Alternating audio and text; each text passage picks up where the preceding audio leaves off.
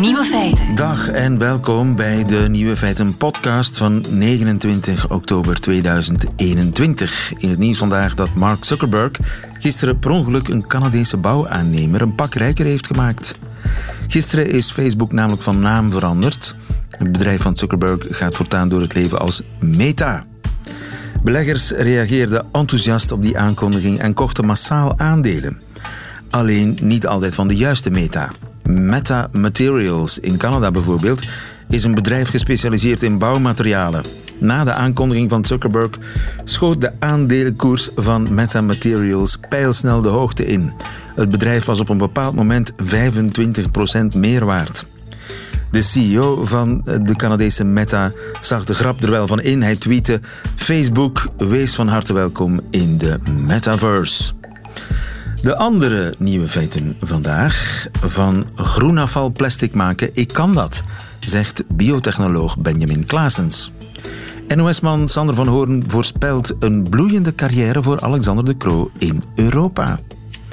Noorwegen, Denemarken en Finland hebben de pandemie het beste aangepakt, blijkt uit een onderzoek van het Nederlandse tv-programma Nieuwsuur. En de voormalige Afghaanse elite die krijgt opvang in luxe hotels aan de Albanese kust. De nieuwe feiten van Bas Birker hoort u in zijn middagjournaal. Veel plezier. Radio 1. Nieuwe feiten.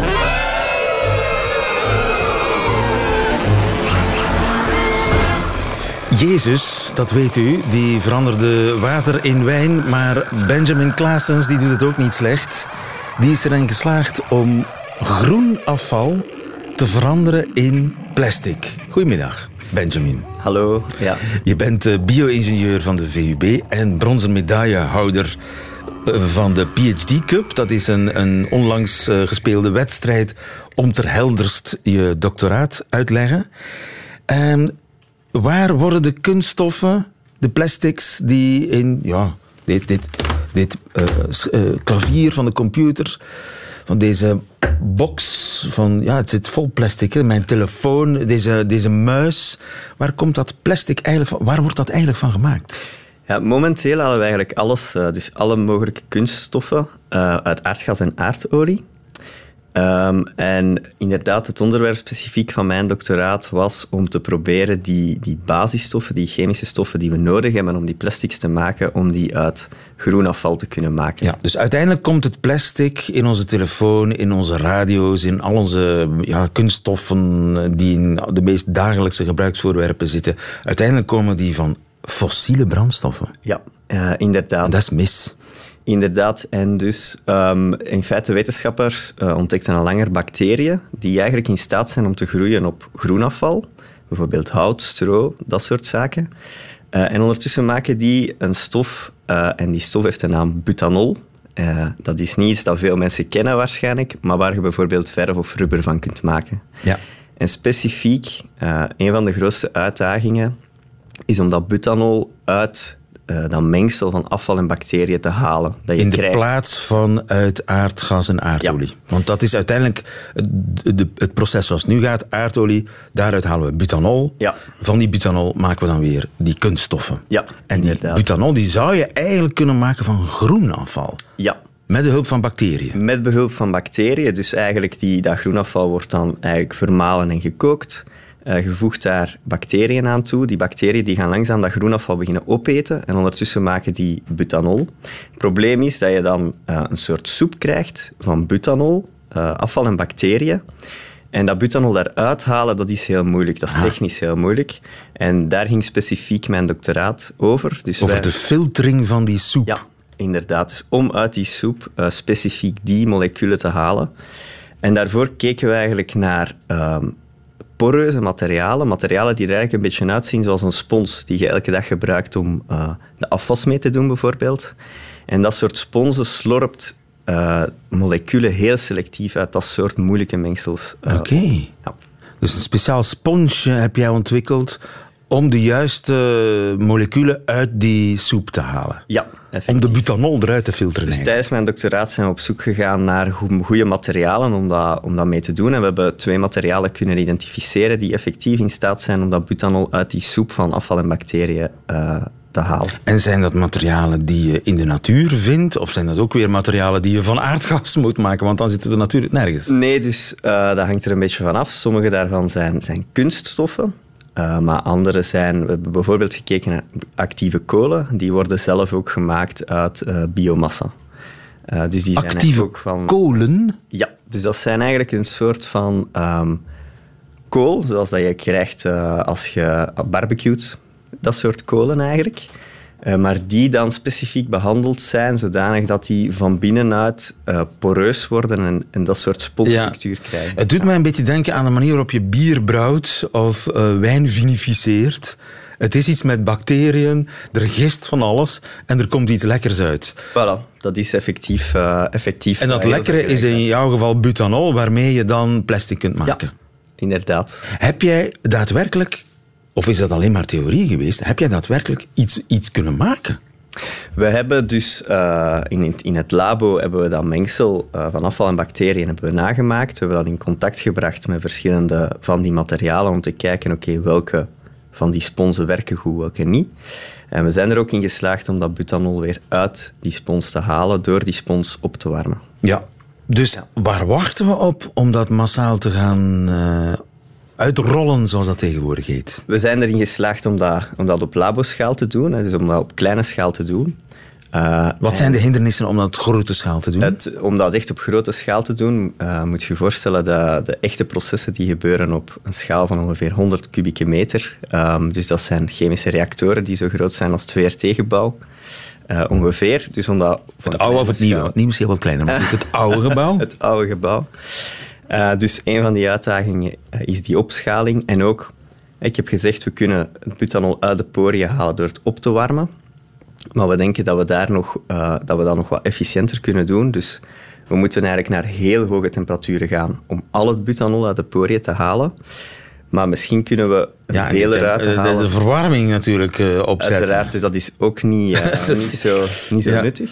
Enfin, dat zou beter zijn moesten we dat kunnen doen bij lage temperaturen. Dat kan ook, maar dan haal je bijvoorbeeld niet al het butanol uit de poort.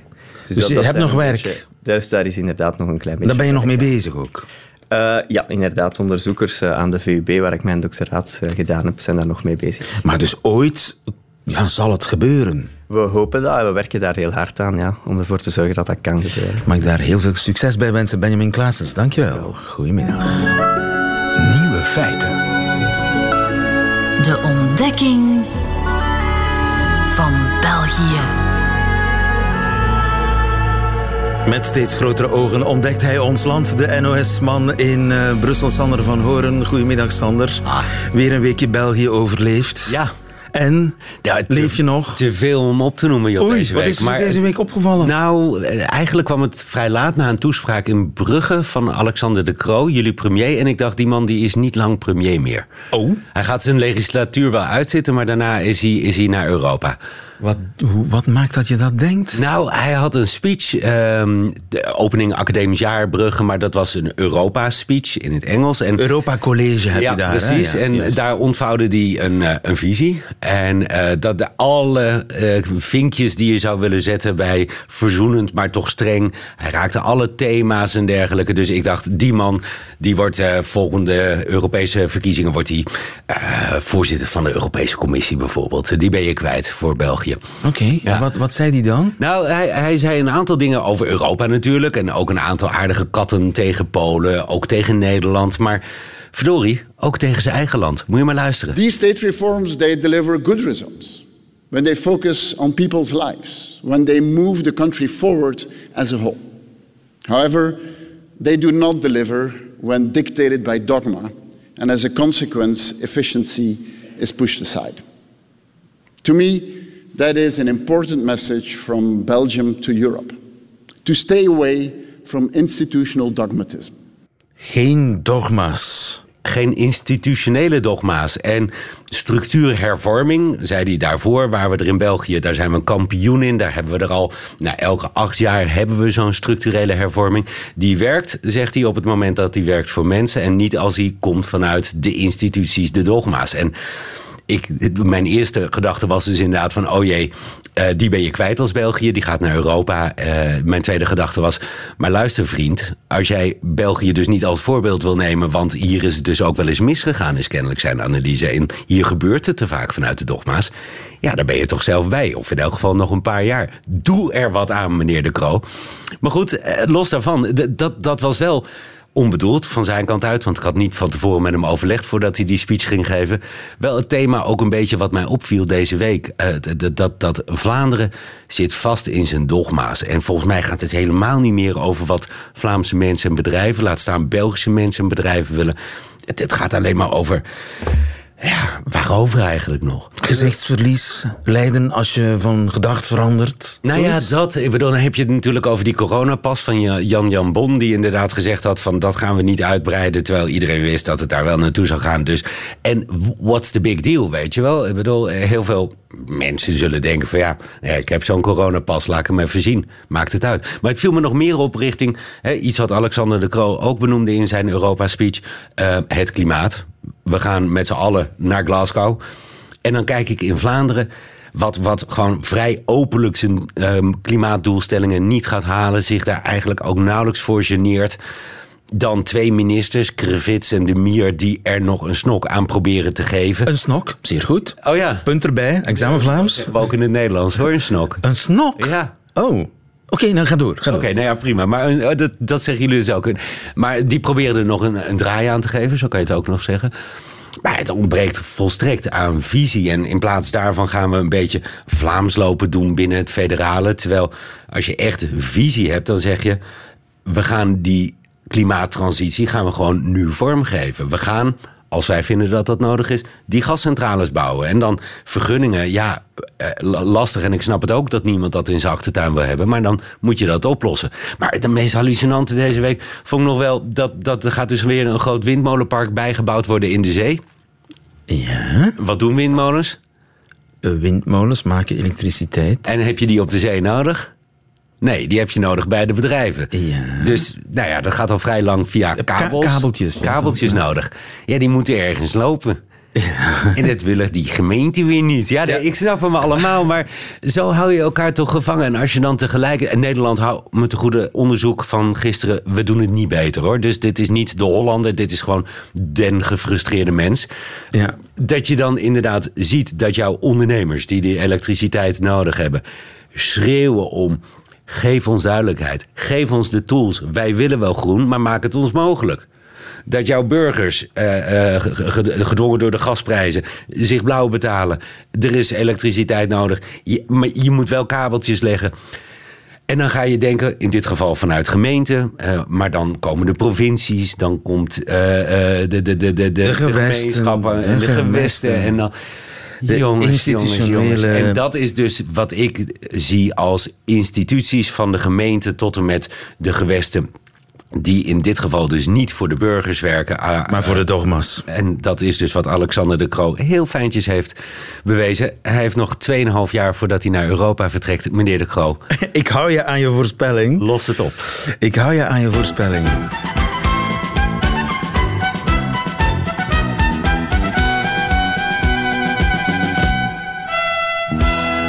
Examen Vlaams. Hoe goed kent Sander van Hoorn intussen onze Vlaams getalen? Mijn vader trouwens, die luistert vanuit Nederland. Die Je vader, radio-icoon in Nederland? Ja, die zegt een snok, ik heb er nog nooit van gehoord, dat moet Vlaams zijn. Dus Oké. dat zou kunnen dat dat Dat, inderdaad... heeft hij, dat heeft hij jou al gemeld intussen.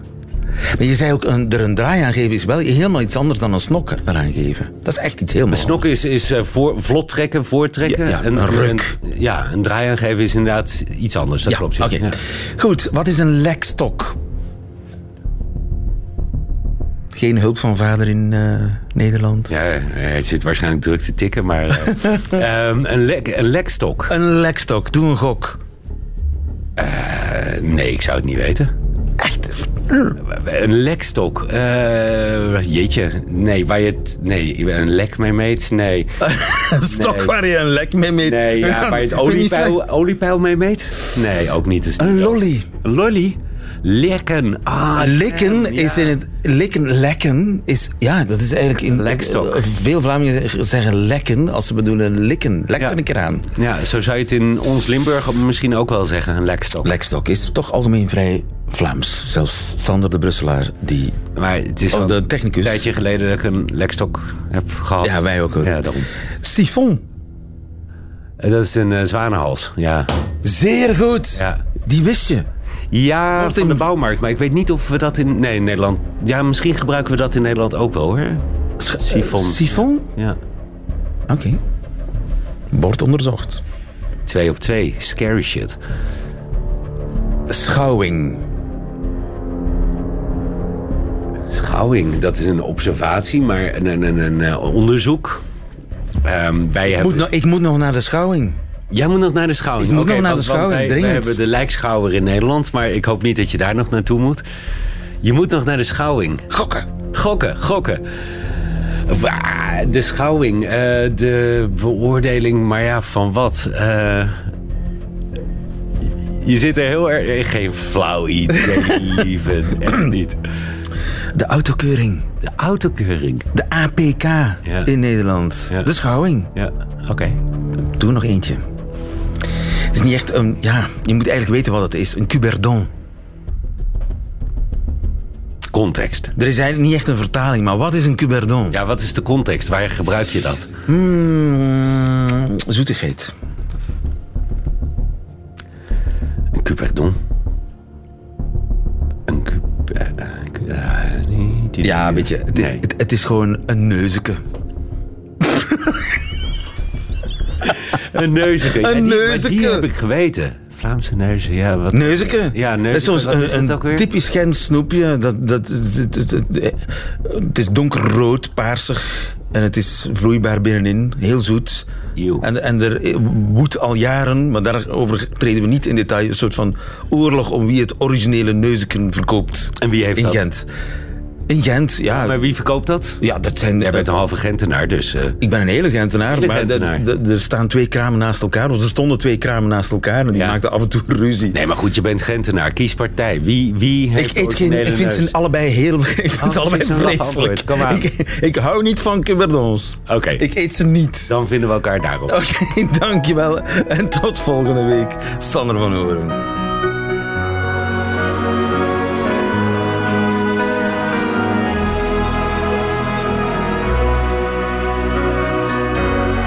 Nieuwe feiten. Welk Europees land heeft nu de beste strategie gevolgd tegen COVID-19? De collega's van het Nederlandse tv-programma Nieuwsuur, Nieuwsuur die eh, zochten het uit. Job de Vrieze, goedemiddag. Goedemiddag. Je bent onderzoeksjournalist, onder meer bij Nieuwsuur, ook bij De Groene. En als ik het goed voor heb, is de winnaar Denemarken samen met Finland en Noorwegen. Nou, we zijn uiteindelijk wel weggebleven bij, bij rankings. Ten meer omdat natuurlijk al die landen niet alleen qua beleid verschillen, maar natuurlijk op allerlei andere vlakken. Maar we hebben wel gekeken wat zijn nou de keuzes die gemaakt zijn, de afwegingen en in hoeverre. Eh, en, en hoe is dat natuurlijk min of meer uitgepakt in al die verschillende landen. Ja. En dan springen die landen er wel op een bepaalde manier uit, ja. En als je naar Europa kijkt, dan zijn er grofweg twee strategieën hè, die gevolgd zijn in de pandemie. Ja, eigenlijk zou je dat wel kunnen zeggen. Ja, want, eh, er wordt steeds eh, natuurlijk wereldwijd gesproken over de twee uitersten.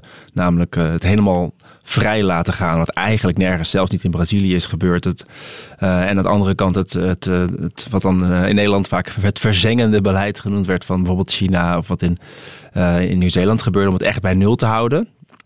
Maar in Europa is er niet voor gekozen. Maar daarbinnen, dus binnen dat gebied ertussenin, zijn er wel verschillen. En de ene is wat in Nederland en ehm, wat voor zover wij ook hebben kunnen uitzoeken in België ook grotendeels gebeurd is, is te sturen van nou, als het, als zolang de ziekenhuizen niet overstromen, dan kan het, eh, dan kan het, dan mag het enigszins rondgaan. En, en dan kunnen we ook meteen nog immuniteit opbouwen, wordt dan daarbij nog ook gezegd. Of je gaat echt er meer bovenop zitten En tot aan de komst van de vaccins was toen natuurlijk het idee... Uh, het is echt zo laag mogelijk houden. En niet bij nul, maar wel zo laag mogelijk. Ja, dus de ene aanpak zegt we sturen op de ziekenhuisopnames. Kunnen de IC's het aan?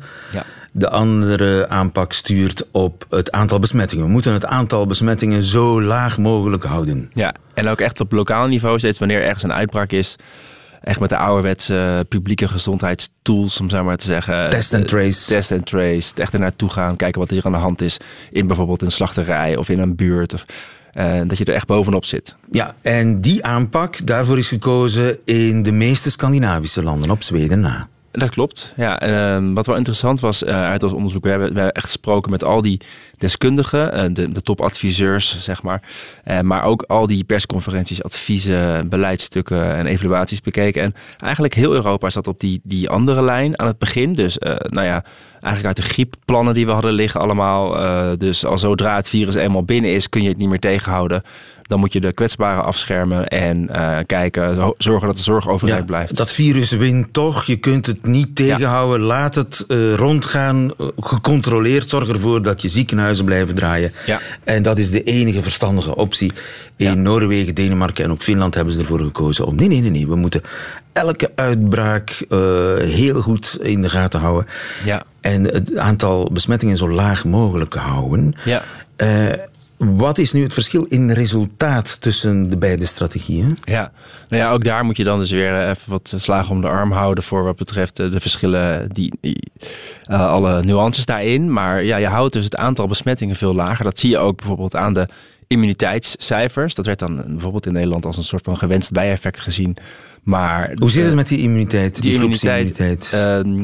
Uh, de immuniteit die in Nederland bijvoorbeeld op een bepaald moment in april werd bereikt, uh, on, die niet door vaccinaties was bereikt, was ongeveer 25 procent. Uh-huh. In een land als uh, Frankrijk en België zit het een beetje in dezelfde range.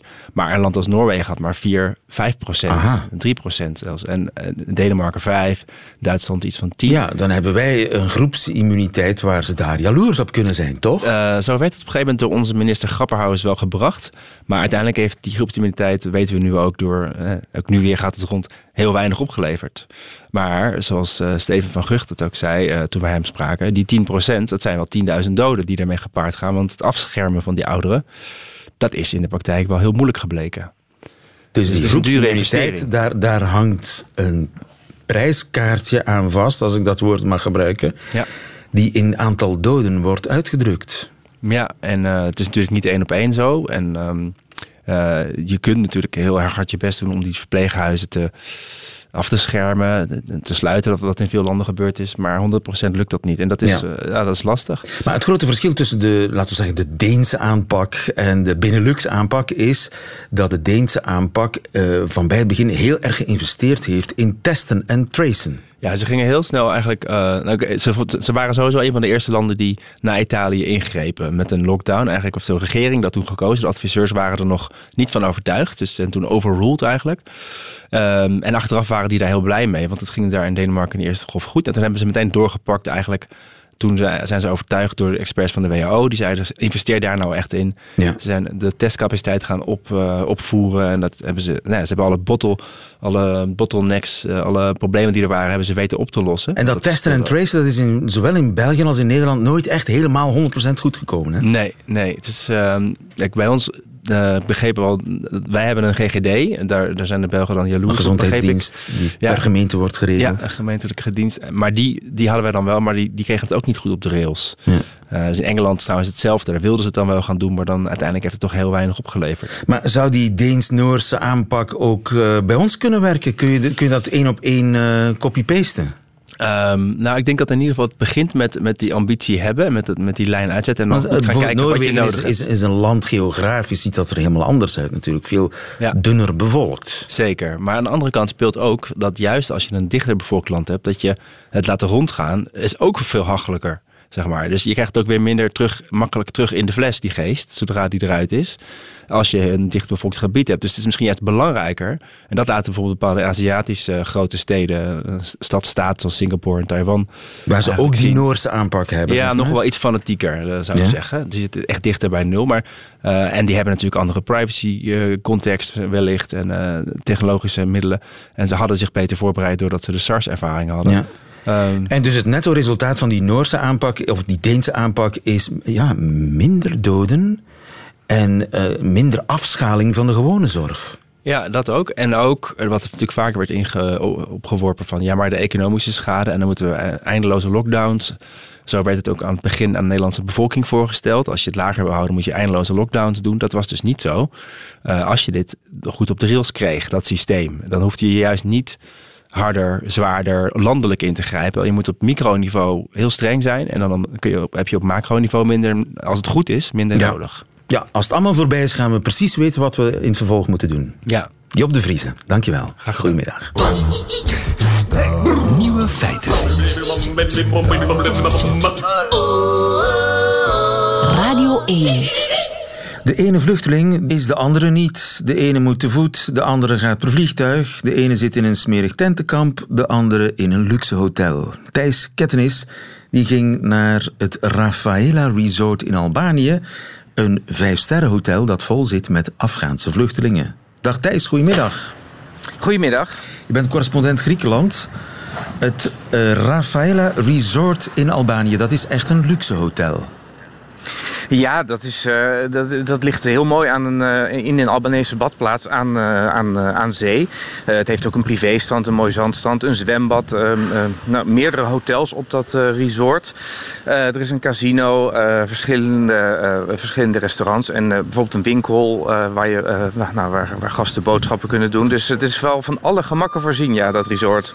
Ontbijt, buffet à volonté, lekker eten, smiddags, avonds, alles erop en eraan. Ja, uh, dat, uh, het, het, heeft eigenlijk alles in zich uh, wat, wat je als je op, op een mooie vakantie gaat, wat, je zou willen, wat je zou willen hebben. En dat hotel, dat resort, zit vol met Afghaanse vluchtelingen vandaag.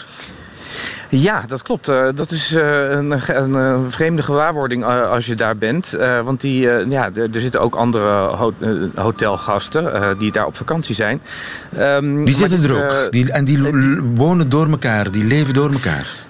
Ja, je kunt daar gewoon een kamer boeken. Als je uh, online zoekt op dat uh, resort, dan kun je gewoon een kamer boeken. Um, en, en, nou ja, maar er zitten dus ook inderdaad een paar honderd ja, vluchtelingen, Afghanen, die geëvacueerd zijn uit Kabul in augustus door, um, door de Amerikanen.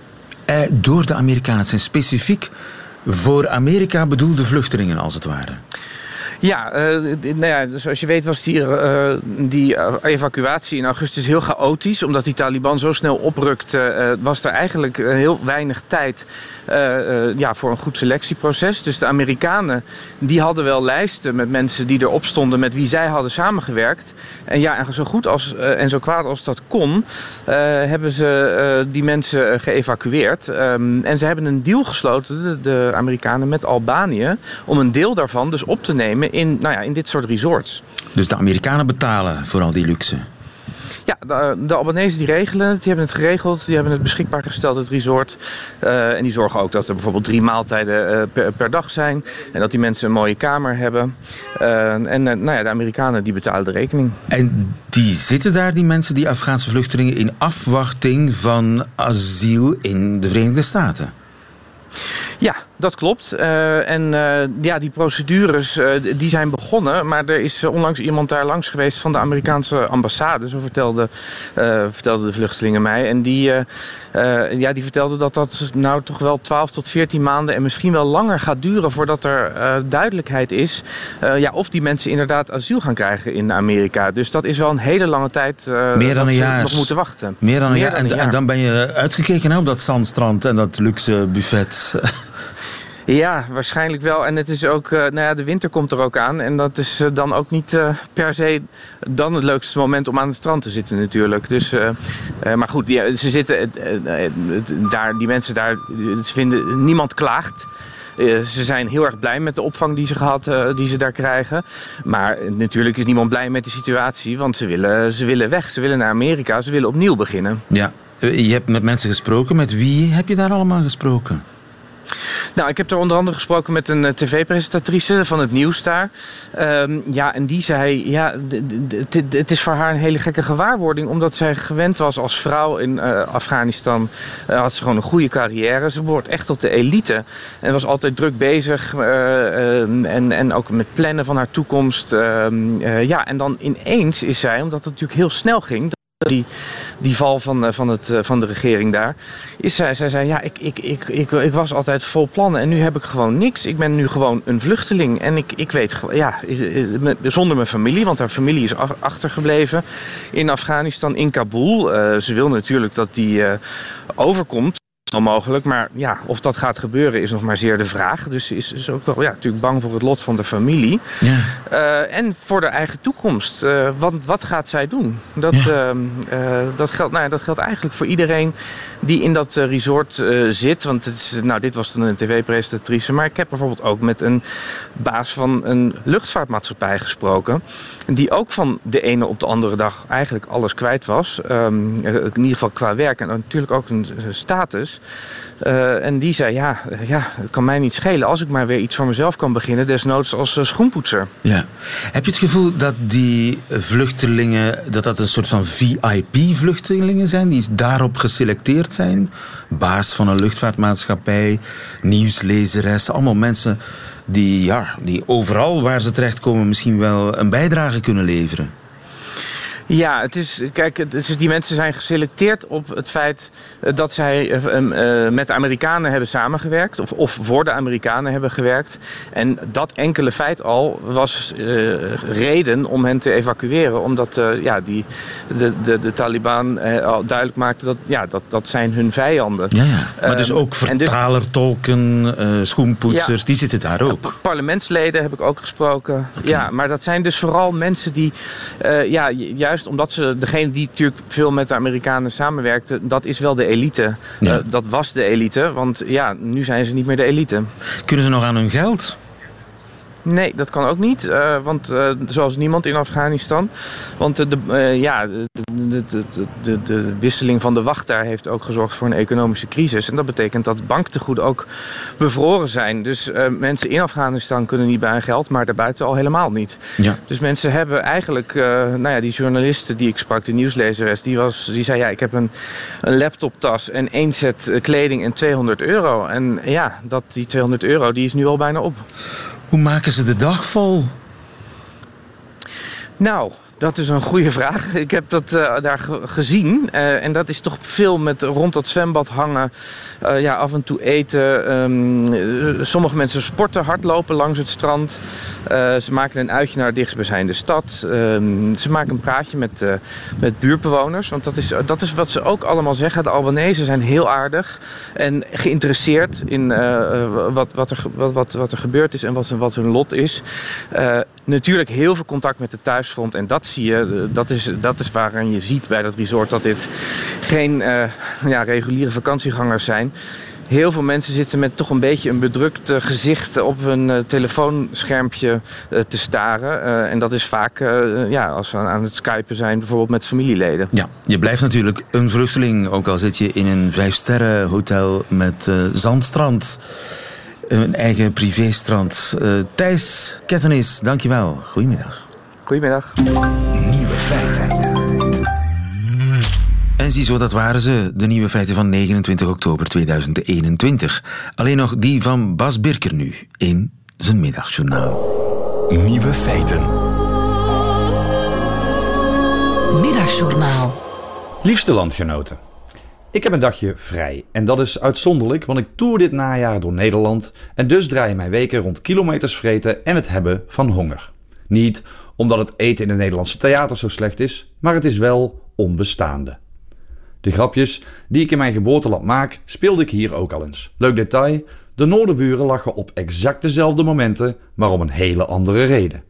Als ik vertel over de Belgische politiek, de sport van het dronken rijden en de next level ambtenarij, denken de Hollanders: haha, domme Belgen. En de Belgen: kak, daar hebben wij ook. Het is moeilijk om het cliché van de domme Belg en de zuinige Hollander te doorbreken. Vooral omdat we met z'n allen alles aan doen om het in stand te houden. Ik heb over de grens talloze malen moeten betalen voor een drankje in de artiestenfoyer. Om nog maar te zwijgen van die keer dat ik werd uitgenodigd om mee te eten met de techniekers. Aan het eind van de avond mocht ik mijn bijdrage van 2,20 euro voldoen via Payconic. Zoiets zou in Vlaanderen nooit gebeuren. Op een lege maag kun je niet werken en op een nuchtere lever kun je niet rijden. Maar soms is het cliché van de domme Belg nog sterker dan dat van de zuinige Hollander. Vanaf vandaag is het COVID-safe-ticket ook verplicht bij kleinere evenementen. Dat wordt gedoe omdat Roger en Marja niet weten hoe hun smartphone werkt en eerst 20 foto's van de kleinkinderen moeten laten zien tot ze de app gevonden hebben. In mijn tijd zat apps nog op de boterham, zal Roger zeggen, terwijl u zichzelf opvreet in de groeiende rij als ware het de supermarktkassa. Maar het echte probleem zit in het COVID-safe-ticket zelf. Opent u die app maar eens. Druk op uw tweede vaccin en vervolgens op toegang evenement. Ziet u dat tekstje onderin? Wel, dat is het bewijs dat zelfs uw eigen overheid denkt dat u achterlijk bent. Opgelet, staat er in groot kapitaal. U heeft mogelijks nog een toegangsticket nodig om het evenement bij te wonen. Blijkbaar zijn er mensen die aan de deur van het Sportpaleis stonden en niet snapten dat ze ook nog een kaartje van 80 euro nodig hadden voor U2. Ik ben toch gevaccineerd? Dit is discriminatie. We leven in een ticketmaatschappij. Ik zal, vreemd genoeg, blij zijn als ik morgen weer in Nederland ben. Daar begrijpen ze tenminste wel dat je moet betalen om binnen te komen. Ik zal mijn eigen karnemelk al meenemen. En geld voor een broodje kroket en een jus van pommes.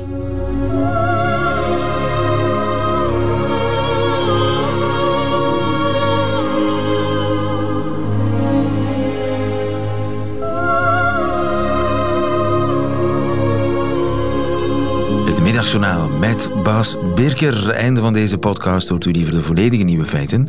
Dat wil zeggen met de muziek erbij. Dat kan natuurlijk live op de radio elke werkdag tussen 12 en 1. Of in uitgesteld relais op de Radio 1 website en via de Radio 1 app. Tot een volgende keer.